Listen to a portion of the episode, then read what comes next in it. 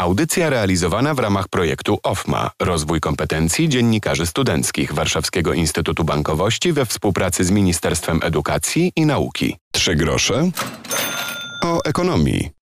Piotr Typuliński, dzień dobry. Przed nami nowa epoka, przemysł 4.0. Fabryki i biura stawiają na cyfryzację i automatyzację. Coraz większe znaczenie ma wykorzystanie big data. Za nami konferencja kadry przyszłości, kadry dla przemysłu. To wydarzenie organizowała Agencja Rozwoju Przemysłu. Niedawno mogliśmy porozmawiać z ekspertami, którzy na co dzień obserwują rynek pracy i pracują ze specjalistami, którzy rozwijają swoje kompetencje. I o tym rozwijaniu umiejętności, kompetencji będziemy dzisiaj rozmawiali. Zacznijmy może od tego, co dzieje się w tym momencie na rynku pracy, kogo potrzeba, a także e, czego musimy się spodziewać, jeśli szukamy pracy. O tym mówiła podczas konferencji Iwona Sączawa z Hayes Poland. Na pierwszym miejscu pozwoliłam sobie wskazać role menedżerskie. To są rzeczywiście kluczowe role, które stanowią o sukcesie każdej firmy. Mówiąc o firmach produkcyjnych, to są oczywiście osoby, które zarządzają czy poszczególnymi liniami, czy całością zakładu, czy chociażby działem utrzymania ruchu, bardzo stanowiącym rzeczywiście nie lada wyzwanie w każdej organizacji. Stąd też inżynierowie utrzymania ruchu, automatycy, elektromechanicy to są role, których potrzebuje de facto każda firma produkcyjna na rynku i to nie w liczbie jednej osoby, tylko rzeczywiście w liczbie kilku wakatów.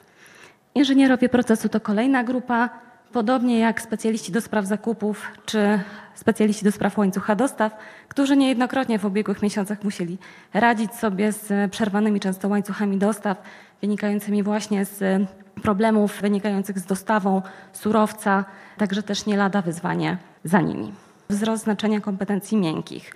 Inżynier to już nie jest tylko i wyłącznie osoba, która stoi twardo, mając twarde kompetencje i oczywiście ona stanowi trzon każdej firmy przemysłowej, ale to jest osoba, która funkcjonuje w środowisku biznesowym, pracuje z klientem, pracuje z innymi działami w firmie, więc też bez wysoko rozwiniętych kompetencji miękkich no nie jest w stanie efektywnie działać. Także to rzeczywiście powiedziałabym, że na szali zrównało się kompetencje miękkie z tymi twardymi. Część procesów jest prowadzona w formie online, zwłaszcza pierwszy etap, a każde stanowisko ma jasno określony cel wpisujący się w strategię tak naprawdę każdej organizacji. Bardzo często rekrutacje, które e, są prowadzone, to są rekrutacje poufne, e, bo też e, ostatnie trudne miesiące sprawiły, że rzeczywiście no, tylko osoby, które są w stanie skutecznie poprowadzić organizację, stanowią o jej sukcesie i to też sprawiło, że część organizacji zdecydowała się na ruchy kadrowe i, i stąd rzeczywiście część tych procesów rekrutacyjnych miała charakter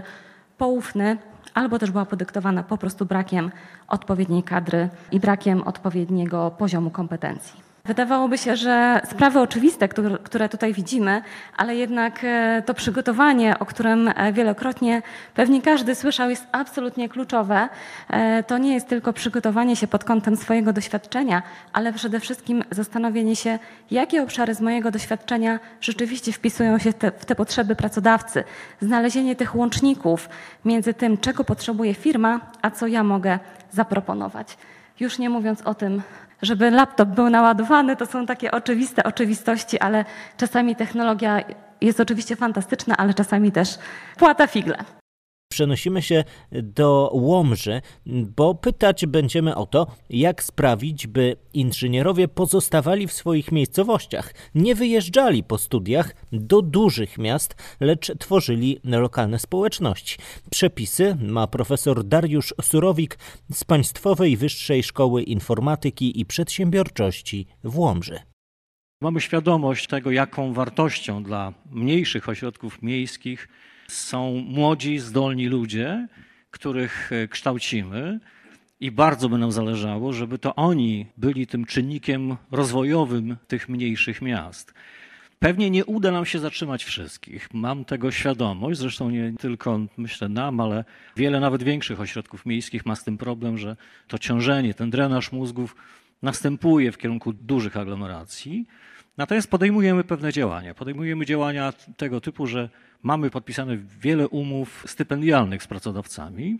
Nasi studenci w czasie studiów uczestniczą w praktykach, poznają tych przedsiębiorców. Bardzo często po ukończeniu studiów podpisana jest umowa o pracę, warunki są już rozpoznane, student wie, czego się spodziewać i bardzo często jest tak, że zostaje w tej naszej lokalnej społeczności. Drugim takim aspektem, którym próbujemy zatrzymać tych zdolnych młodych ludzi, jest prowadzenie przez publiczne uczelnie zawodowe, przez uczelnię, którą mam zaszczyt e, kierować, również studiów na poziomie magisterskim. Mówię o tym jako o wyzwaniu, dlatego że w przypadku publicznych uczelni zawodowych to naprawdę jest wyzwanie, ponieważ algorytm finansowania uczelni został skonstruowany w ten sposób, że uczelnie akademickie, kiedy prowadzą kierunek na poziomie magisterskim, dostają stuprocentowe finansowanie. Kiedy uczelnia zawodowa decyduje się na prowadzenie kierunków na poziomie magisterskim, to to dofinansowanie jest tylko w wysokości 60%. Trochę czujemy się pokrzywdzeni w stosunku do uczelni akademickich, bo myślę, że ta rola prowadzenia studiów na poziomie magisterskim jest ogromna w przypadku tych małych ośrodków, dlatego że chciałbym jako rektor, żeby nasi najzdolniejsi absolwenci wyjechali gdzieś kończąc e, studia w innym dużym ośrodku, poznali to życie trochę inne w większych i potem wrócili, rozwijając z bogatszym doświadczeniem te małe społeczności. Ale doskonale zdaję sobie sprawę, że tak nie jest, że jeżeli ci młodzi ludzie już wyjadą od nas, to raczej do niego nie wrócą. Podejmujemy ten wysiłek kształcenia na poziomie magisterskim, bo rzeczywiście obserwujemy fakt, że studenci, którzy kończą pierwszy stopień i podejmują kształcenie na poziomie magisterskim, w dużej mierze zostają, pracują, zakładają rodziny i rzeczywiście rozwijają te lokalne społeczności, rozwijają miasto, region, są rzeczywiście tym czynnikiem innowacyjnym. Wiemy, że niektóre miasta, no niestety w sensie społecznym, starzeją się ze względu na wypływ tych młodych ludzi do większych ośrodków stypendia wśród pracodawców, żeby związać tych młodych ludzi z pracodawcami, żeby nie mieli problemu z podjęciem pracy, a z drugiej strony to kształcenie na poziomie magisterskim, żeby ci najlepsi, najzdolniejsi, ambitni, którzy chcą uzyskać kolejny stopień zawodowy, żeby zostali u nas, żeby mieli szansę uzyskać ten stopień u nas. Odpływu takiego całkowitego oczywiście mam świadomość, że nie da się zatrzymać i część tych młodych ludzi do tych większych ośrodków po prostu się przeniesie. A teraz zadamy ważne pytanie: jakie wyzwania stoją przed systemem edukacji? Myślę, że jest ich wiele, ale często pada hasło kompetencje cyfrowe. Zwrócił na nie uwagę Kamil Mroczka, który jest przewodniczącym Rady Nadzorczej Agencji Rozwoju Przemysłu i dyrektorem generalnym Urzędu Komisji Nadzoru Finansowego. Z urządzeniami mamy do czynienia od małego. Wielu z internautów urodziło się już w czasach, gdy już ten internet był całkiem nieźle rozwinięty należy jednak umiejętności swoje rozwijać. Dzieciaki uczą się programowania super, bo to uczy logicznego myślenia. Wykonaj dwa ruchy do przodu, w lewo, w prawo, to uczy pewnej dyscypliny. I moim zdaniem do tego powinniśmy dołożyć komponent praktyki, czyli pokazania przez tych, którzy faktycznie się tymi zagadnieniami zajmują. To jest wyzwanie dla całego społeczeństwa, bo jeżeli my będziemy odstawać od tych państw zachodnich, no to ci ludzie będą wyjeżdżać za granicę. A potencjał jest bardzo duży. No to jeżeli te firmy lokują te centra w Polsce, to to pewnie dlatego, że tych informatyków mamy chyba jednych z najlepszych na świecie. No, kryptografia w Polsce, e, znaczy może to źle zabrzmi, ale ja się oczywiście z tym twierdzeniem nie zgadzam, ale zawód księgowego chociażby w Polsce jest postrzegany jakoś tak negatywnie. Nie, nie, nie rozumiem dlaczego, a w tych rankingach światowych zawsze jesteśmy w pierwszej trójce, jeżeli chodzi o jakość. I my trochę, moim zdaniem, mamy taki problem, że nie potrafimy się chwalić. Są pewne produkty już, które można wykorzystywać, a my się tym jakoś, nie, nie, wiem z czego to wynika tak naprawdę, że nie potrafimy się tym chwalić, no bo te raporty międzynarodowe pokazują, że no mimo wszystko u nas nie jest tak źle. I te firmy jak nas wybierają, to nie dlatego, że akurat im się podoba nad Wisłą, nie, bo tu mają dostęp do tych kompetencji, tak? My ich będziemy potrzebować. Znaczy ja nie wiem, gdzie ulokować kompetencje cyfrowe, przyznam szczerze, bo tam są moim zdaniem, no tak, to jest takie horyzontalne które jest pomiędzy. To jest coś, co pewnie gdzieś już będzie się nam pojawiało w jakimś takim modelu hybrydowym. No dzisiaj wszystko do modeli hybrydowych zaczyna zmierzać, no ale mamy niedobór pracowników, jeżeli chodzi o rynek IT i, i cyber, no liczonych mniej więcej na 70-80 tysięcy.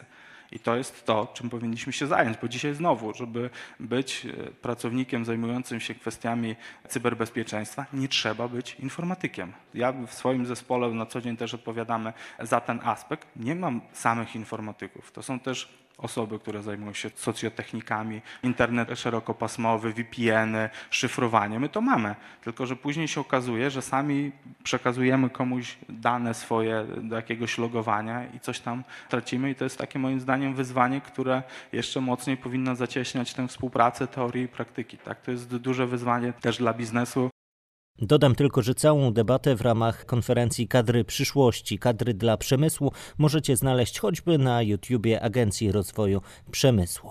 I to wszystko w dzisiejszej audycji. Trzy grosze o ekonomii. Polecam ten podcast. Wystarczy wpisać tytuł naszej audycji w waszych ulubionych aplikacjach z podcastami. W każdej chwili można posłuchać tej audycji i poprzednich, a także następnej. Rozmawiać będziemy o tym, co w Krakowie się dzieje i jak tamtejsi studenci i absolwenci angażują się w to, by pomagać młodszym kolegom i razem z przedsiębiorcami mówić o tym, co w Krakowie się dzieje i co się zmienia.